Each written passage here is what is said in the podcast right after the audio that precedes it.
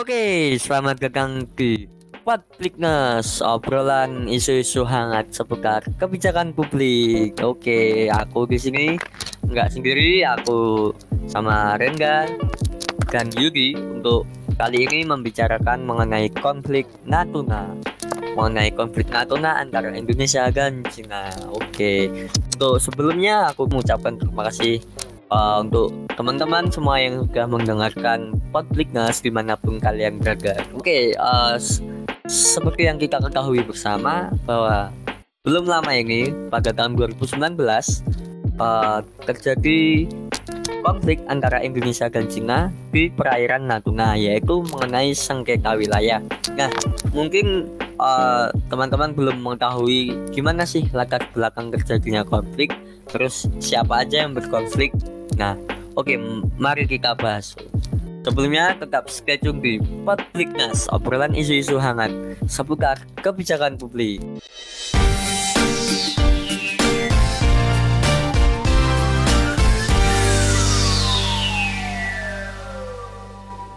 Oke, kita masuk segmen pertama dulu. Seperti yang sudah kita uh, tanya di awal-awal tadi mengenai latar belakang dan siapa saja yang berkonflik. Mungkin dari Ren gak ya? Halo Ren. Halo Bay. Oke, uh, aku mau tanya nih, gimana sih latar belakang terjadinya konflik Natuna? Terus siapa aja yang berkonflik? Uh, jadi gini ya, ini kan konflik di antara dua negara negara Indonesia dan negara Cina yang berkaitan dengan konflik kemaritiman karena berkaitan juga dengan perairan di Indonesia. Jadi ini tuh berawal di tahun 2016 di mana kapal ikan dari Cina yang dia tuh masuk ke perairan wilayah Indonesia, tepatnya di perairan Natuna. Nah, makanya ini disebut dengan konflik Natuna.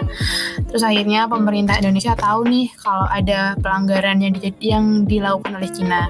Terus akhirnya dia melayak, pemerintah Indonesia melayangkan nota protes diplomatik yang berisi adanya pelanggaran yang dilakukan oleh kapal Coast Guard China terhadap kedaulatan dan yurisdiksi di zona ekonomi eksklusif dalam das kontinen wilayah Indonesia. Dan yang kedua, pelanggaran oleh Guard Cina yang dia dengan sengaja menabrak kapal Indonesia dalam upaya penegakan hukum oleh otoritas Indonesia di zona ekonomi eksklusif tadi. Nah, uh, tapi yeah. Di, tahun 2016 ini tuh konflik itu tuh sempat berakhir reda gitu karena kedua belah negara ini tuh menyelesaikannya dengan baik-baik dan menganggap itu adalah salah satu kejadian karena kesalahpahaman kayak gitu. Oke, okay, sorry Ran, uh, aku potong dulu ya. Uh, berarti itu ternyata tuh konfliknya itu malah berawal pada tahun 2016 ya.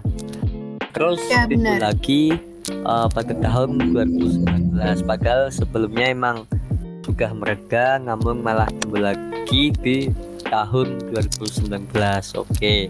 oh mungkin aku mau tanya lagi nih biar teman-teman juga tahu tentang ZEE nah itu tuh gimana sih penjelasan tentang ZEE atau zona ekonomi eksklusif Uh, mungkin kalau teman-teman mungkin taunya ZEE itu tuh yang wilayah teritorial sejauh 200 mil gitu ya. Nah itu jadi sebenarnya benar anggapan kayak gitu. Jadi ZEE itu adalah zona yang luasnya dia 200 mil dari garis pantai suatu negara yang mana dalam zona tersebut sebuah negara mempunyai hak atas kekayaan alam di dalamnya. Jadi negara yang punya ZEE itu tuh dia bisa ngambil ikan dan yang lain-lain di batas okay, 200 mil. Ya, ya. Berarti setiap negara itu emang punya ZEE termasuk Indonesia. Berarti uh, di luar ya, ZEE itu berarti sudah lebih bebas ya. Artinya uh, sudah bukan milik uh, suatu negara lagi. Emang itu lebih bebas kalau di luar ZEE gitu ya. Ya benar. Nah terus mungkin tadi yang dijelasin sama kamu yang tahun 2019 tadi juga ada konflik ya. Nah itu tuh sebenarnya tuh uh, konfliknya itu terjadi dua kali. Jadi di tahun 2016 ada konflik dan di tahun 2019 ini tuh Indonesia sama Cina ini tuh berkonflik lagi dan dengan konflik bahasan yang sama di mana kapal ikan Cina dia ngambil ikan lagi di perairan Indonesia dan ngambilnya di perairan Natuna lagi. Oke oke oke. Eh, di mana di tahun 2019 ini tuh uh, pihak Cina tuh merasa oh ini tuh nggak apa-apa aku nggak melakukan pelanggaran gitu beda sama kayak yang di tahun 2016 okay. jadi di sini tuh pihak Cina tuh membela diri dengan mengklaim nine dash line gitu. Oke, nah, padahal konsep nine dash line ini tuh dibuat secara sepihak oleh Cina tanpa melalui konvensi hukum laut di bawah naungan PBB dan United Nations Convention of the Law the Law of the Sea atau UNCLOS kayak gitu. Jadi uh, ya udah buat-buat gitu. Makanya di situ uh, pihak Indonesia merasa wah ini nggak bener nih gitu dan pas di Oke. konflik 2019 itu juga banyak disoroti oleh publik sih. Oke oke mungkin aku eh highlight sebentar kalau jadi itu Cina itu kayak mengklaim secara sepihak tentang eh, apa ya tentang wilayah Natuna ya. Menurut mereka mereka itu punya apa yang namanya nine Gasland itu tadi. Makanya mereka berani untuk mengambil ikan untuk kedua kalinya. Gitu ya Iya makanya itu. Padahal sebenarnya nggak kayak gitu gitu. Soalnya nggak ada nggak diakui secara konstitusional secara internasional dan PBB sama UNCLOS juga nggak mengakui adanya konsep itu gitu. Oke oke. Mungkin untuk yang uh, perubahan nama menjadi Laut Natuna Utara tadi uh, lebih baik Indonesia juga apa ya segera untuk uh, melegalisasi nama tersebut di organisasi internasional ya. Iya, jadi tuh di tahun 2017 tuh uh, pemerintah Indonesia melalui Kementerian Koordinator Bidang Kemaritiman tuh itu meluncurkan peta NKRI baru di mana nama Laut Cina Selatan tuh diganti jadi Laut Natuna Utara itu tadi buat menciptakan kejelasan hukum biar nggak ada konflik yang kayak gitu lagi kayak konflik Natuna ini. Nah tapi nih sayangnya tuh eh, nama Laut Natuna Utara ini tuh belum disetujui sama IHO atau International Hydrographic Organization. Oh, oke oke. Iya iya. Hmm, sangat sayang sekali ya. Tapi ya semoga yang terbaik lah untuk Indonesia ya. Oke. Jangan sampai ada konflik lagi kayak gitu. Iya, mungkin, mungkin sudah jelas eh, kronologi yang disampaikan oleh Renda. Terima kasih Ren untuk penjelasannya. Oke, untuk teman-teman tetap stay tune di Podcast karena eh, selanjutnya kita akan mengobrol lebih eh, seru lagi bersama teman-teman yang lain. Tetap stay tune di Podcast obrolan isu-isu hangat seputar kebijakan publik.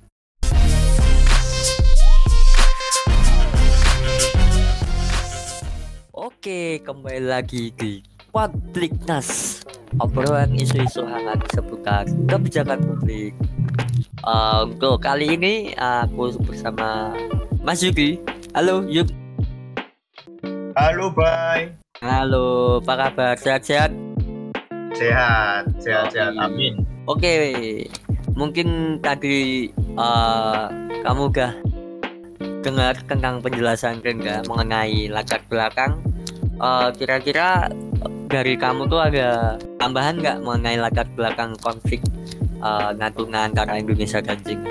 Uh, Oke, sebelumnya ya selamat uh, mendengarkan ya sobat uh, Podcastness di mana pun kalian berada. Oke, Uh, jadi aku mungkin sedikit menambah aja sih dari pendapatnya atau mungkin dari uh, penjelasan yang udah dijelaskan oleh Brenda tadi ya tentang konflik Natuna yang ini cukup menarik sih menurut saya. Jadi konflik yang dimulai dari 2016 hingga itu terulang lagi di tahun 2019 dengan modus yang sama. Uh, yang tahun 2016 itu ya baik pemerintah Indonesia tuh udah berusaha Ah, ah, 2016. uh, apa ya seperti uh, berusaha menangani hal tersebut dengan apa dengan cara menangkap kapal uh, ikan ilegal yang ketika itu uh, berada di wilayah teritorial Indonesia.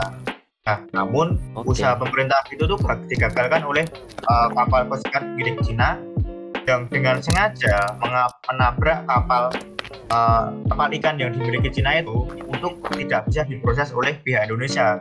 Jadi gampangannya ada kapal ikan nih kapal Cina yang mengambil Mm. uh, ikan. Nah kemudian itu ditabraklah oleh uh, Coast Guard Cina tersebut. Karena apa? Biar nggak bisa dibawa Oh, oleh oke oke. uh, pihak RI untuk diproses dan di uh, didik ini oleh KKP atau disebut sebagai Kementerian Kelautan dan Perikanan seperti itu. Oke, oke, oke. Berarti eh si Cina ini licik juga ya untuk em, istilahnya mengelabui kapal Indonesia ya. Mungkin gini yuk, mereka juga takut sama Indonesia. Ya tahu sendiri kan pada saat itu menterinya kan Bu Ibu Susi dengan jargonnya yang tenggelamkan itu loh.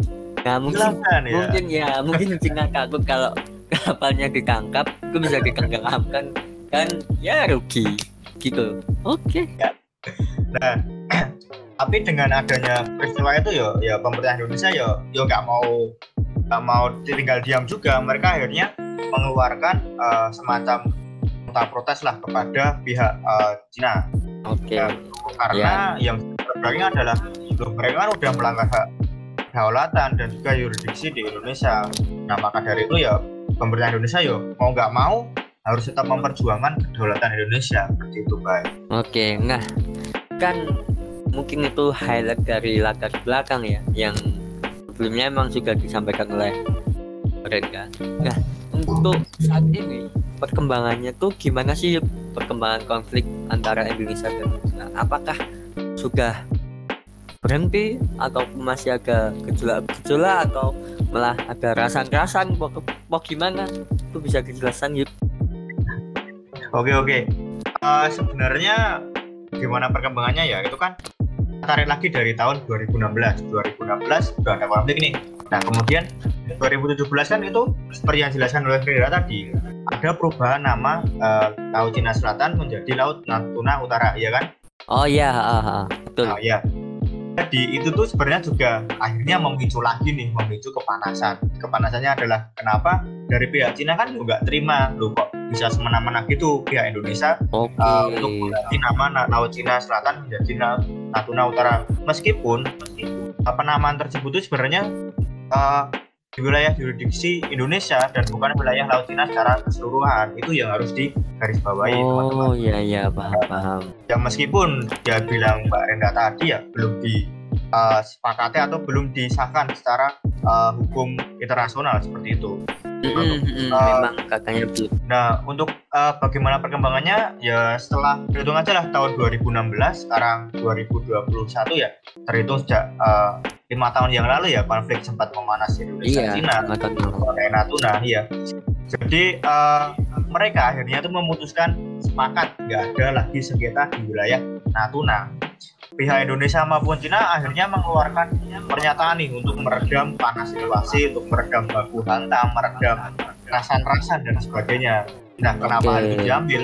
Akhirnya tahu nggak kenapa yuk? Kenapa hal tersebut diambil? Kalau nggak menurutku itu sih lebih ke hubungan diplo- diplomasi antara Indonesia dan Cina. Ya memang sudah diketahui secara umum ya emang Indonesia dan Cina itu memiliki hubungan yang baik dan kedua negara ini seharusnya itu ya saling menguntungkan satu sama lain. Gitu nggak? Ya, oke tepat. Ya itu Oh, benar iya. karena sikap eh, mengakhiri konflik itu ya karena ada kepentingan juga. Yang pertama nggak pengen ada resiko yang lebih besar nih terkait konflik Ya. mereka. Apalagi iya. kan nah, kita katakan Cina itu adalah eh, negara yang eh, istilahnya apa ya teman Indonesia untuk bekerja sama terutama bidang ekonomi Oke. misalnya investasi lah. Tahu banyak Iya. investasi yang ada di Indonesia itu dan eh sebenarnya akhirnya Cina dan Indonesia kan mengutamakan komunikasi nih secara diplomatik terkait konflik ini. Nah karena bagaimanapun hubungan diplomatis antara Indonesia dan Cina itu tetap harus dijaga. Eh, akhirnya diplomasi Iya, damai diutamakan. Akan tetapi yang perlu digarisbawahi adalah ada tawar menawar tentang kedaulatan Indonesia.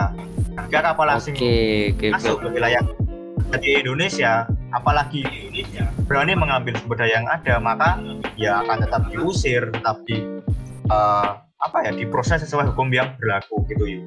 Oke, berarti ya namanya kegaulakan ya tetap kegaulakan nggak ya?